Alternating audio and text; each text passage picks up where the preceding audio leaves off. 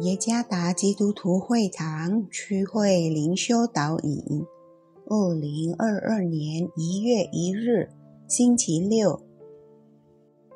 主内弟兄姐妹们平安。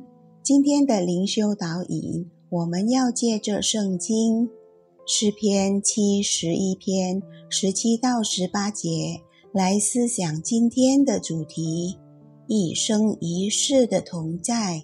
作者。曾礼物牧师诗篇七十一篇十七到十八节：神啊，自我年幼时，你就教训我，直到如今，我传扬你奇妙的作为。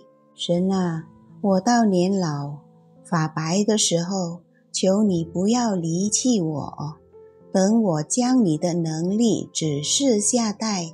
将你的大能指示后世的人。我有对已故祖母的回忆，她是如此健忘，忘记时间，忘记日子，忘记人名，忘记吃饭。然而，我钦佩她的一件事，是她从不忘记为吃饭。以及睡觉之前和之后祷告，祷告的内容很有趣。他没有祈求健康和丰盛的祝福，而是献上还能醒来的感恩祷告，以及祈求上帝时刻伴随着他和他的家人。我们今天所阅读的诗篇，优美的描述了上帝如何与我们的一生同在。诗人从年幼就已经信靠上帝，主耶和华，你是我所盼望的；从我年幼，你是我所倚靠的。参看第五节。而且，即使他的力气开始衰弱。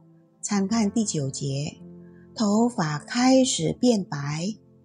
参看十八节，他对从年幼伴随着他脚步之上帝的同在，仍然感到有信心。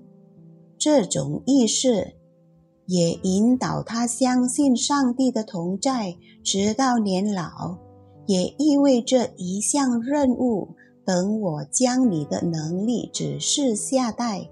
将你的大能指示后世的人，参看十八节。